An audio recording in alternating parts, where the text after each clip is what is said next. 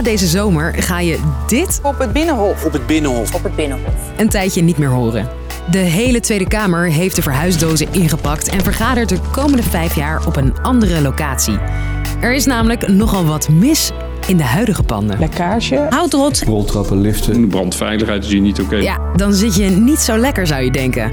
Maar toch staat niet iedereen te springen om over te gaan. Persoonlijk ben ik ook niet zo voorstander van dat we verhuizen. Kamer, hou je mond en doe wat wij willen. Ik maak me zorgen over de voortgang. Er is op zijn zachts gezegd veel gedoe geweest over de verbouwingsplannen. Ik ben Sophie en ik vertel je alles over de verbouwingssoap tijd van onbezorgdheid is voorbij. van het Binnenhof.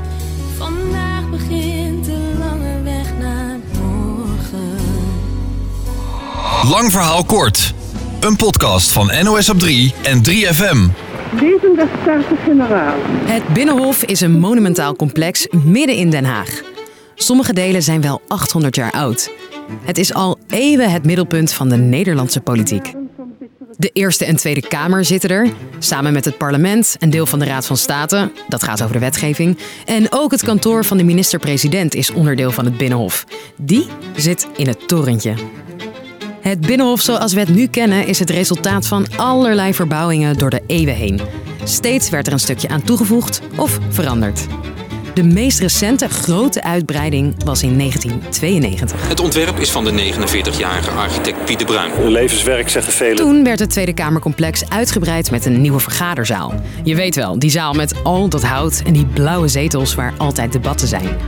En ook toen ging dat niet zonder. Er is tenslotte zoveel gezeurd over die plastic bekertjes, over de blikjes, over de roltrappen. Eén hele foute beslissing genomen. En dat is dat ik voor de nieuwbouw gestemd heb. Dat had ik nooit mogen doen. Het Binnenhof is zo verbonden met het parlement dat het vaak als synoniem wordt gebruikt. Maar dat kan dus even een tijdje niet meer. Want de boel is toe aan renovatie. Luister maar even naar deze verslaggever die hier de muren onder handen neemt. In de kelders zie je dat de verbouwing hard nodig is. Het is een flinke klus, zegt het Rijksvastgoedbedrijf dat over het onderhoud gaat. Zo zullen wij alle daken moeten vernieuwen. De oppervlakte van vijf voetbalvelden. Piekmomenten zullen er 750 bouwvakkers aan de gang zijn. Handig dus om alles in één keer te doen en tijdelijk de hele bubs ergens anders te huisvesten, dachten ze in 2015. Kostenplaatje 475 miljoen euro. Dat is het bedrag waarvoor eh, het Binnenhof via toekomstbestendig gemaakt kan worden. Maar toen de plannen van de architect naar buiten kwamen, vielen die niet goed bij de Kamerleden. Ze werden megalomaan genoemd. Nou, uh, Kees, zit je te wachten op een uh, tropische kantoortuin? Ja, daar heb ik altijd van gedroomd.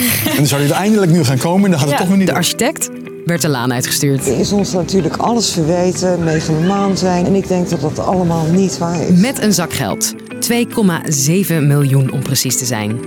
Het hele plan liep vertraging op en niet alleen hierdoor. Ook moest er opnieuw naar het budget worden gekeken. Want de eerste inschatting van de kosten werd in 2015 gemaakt, maar aannemers zijn inmiddels wel wat duurder. Daarnaast zijn er inmiddels te weinig bouwvakkers en is er de stikstofcrisis. Tijdens zo'n grote verbouwing wordt veel stikstof uitgestoten en dat kan niet binnen het project gecompenseerd worden.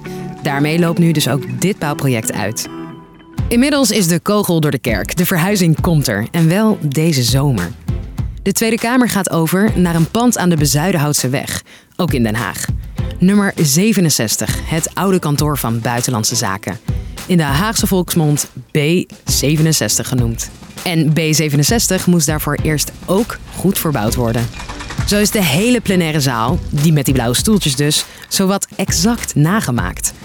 Kosten ruim 160 miljoen. En de nieuwe huiskleur is mosterdgeel. En ook daar was discussie over. Volgens inmiddels oud-Kamervoorzitter Ariep was het tijdelijke gebouw helemaal niet geschikt. Uiteindelijk gaat het erom in welk gebouw wij ook zitten. Dat parlementsleden hun werk gewoon optimaal ja. kunnen uitoefenen. Ja, en het kan niet zo zijn dat de fysieke omgeving hun functioneren als volksvertegenwoordiger nee. belemmert. Ook moest er nog van alles aan de beveiliging gebeuren. Een onderzoek dat de Kamer liet uitvoeren liet zien dat het renoveren van het Binnenhof in delen, waarbij de Kamer kon blijven zitten, 100 miljoen goedkoper zou zijn. Maar dat klopte volgens staatssecretaris Knops, die inmiddels op het project zat, helemaal niet. Uit zijn analyse bleek dat dat een half miljard duurder zou uitvallen. Dus toch ging de Kamer akkoord, werd de plenaire zaal ontmanteld en stonden deze Kamerleden afgelopen week voorlopig voor het laatst op hun oude werkplek. Ik had vanmorgen al weemoed toen ik zeg maar, hier zo over het plein liep en dan zie je het gebouw, je ziet het binnenhof met het torentje. Ik hoop ook dat we echt niet veel langer wegblijven dan de geplande hoeveelheid jaren die ik al veel te lang vind. Maar dat we gaan zien. Dus, lang verhaal kort. We staan nu aan de vooravond van de verbouwing. De Tweede Kamer zit na de zomer voor zeker vijf jaar niet meer op het Binnenhof. En de weg naar die verhuizing toe verliep moeizaam. Maar de renovatie van de verouderde gebouwen gaat nu in elk geval echt van start. Net als ons weekend, maar maandag dan zijn we er weer. Vond je deze podcast interessant? In de 3FM-app vind je er nog veel meer. Zoals deze. Ik was thuis. Thuis, ja, ik was thuis, net terug van werk. Stel, het meisje met wie je af en toe eens afspreekt, belt je onverwachts op. Kan je even langskomen? Met het bericht dat ze zwanger is van jouw kind. Ja, toen voelde ik me echt opzij gezet of zo. Zo van, ja, leuk wat jij wil. Allemaal leuk en aardig. Maar ja, ik hou het toch. Wat zou jij doen? Het overkomt Lucas. Hij is 29 jaar en woont in Amsterdam-Noord met zijn twee kippen. Ja, en dat was eigenlijk het moment dat ik wist, oké, ik ga vader worden. Hoe dit afloopt hoor je in de 3FM-podcast Kan je even langskomen? Check hem via de 3FM-app of jouw favoriete podcastplatform.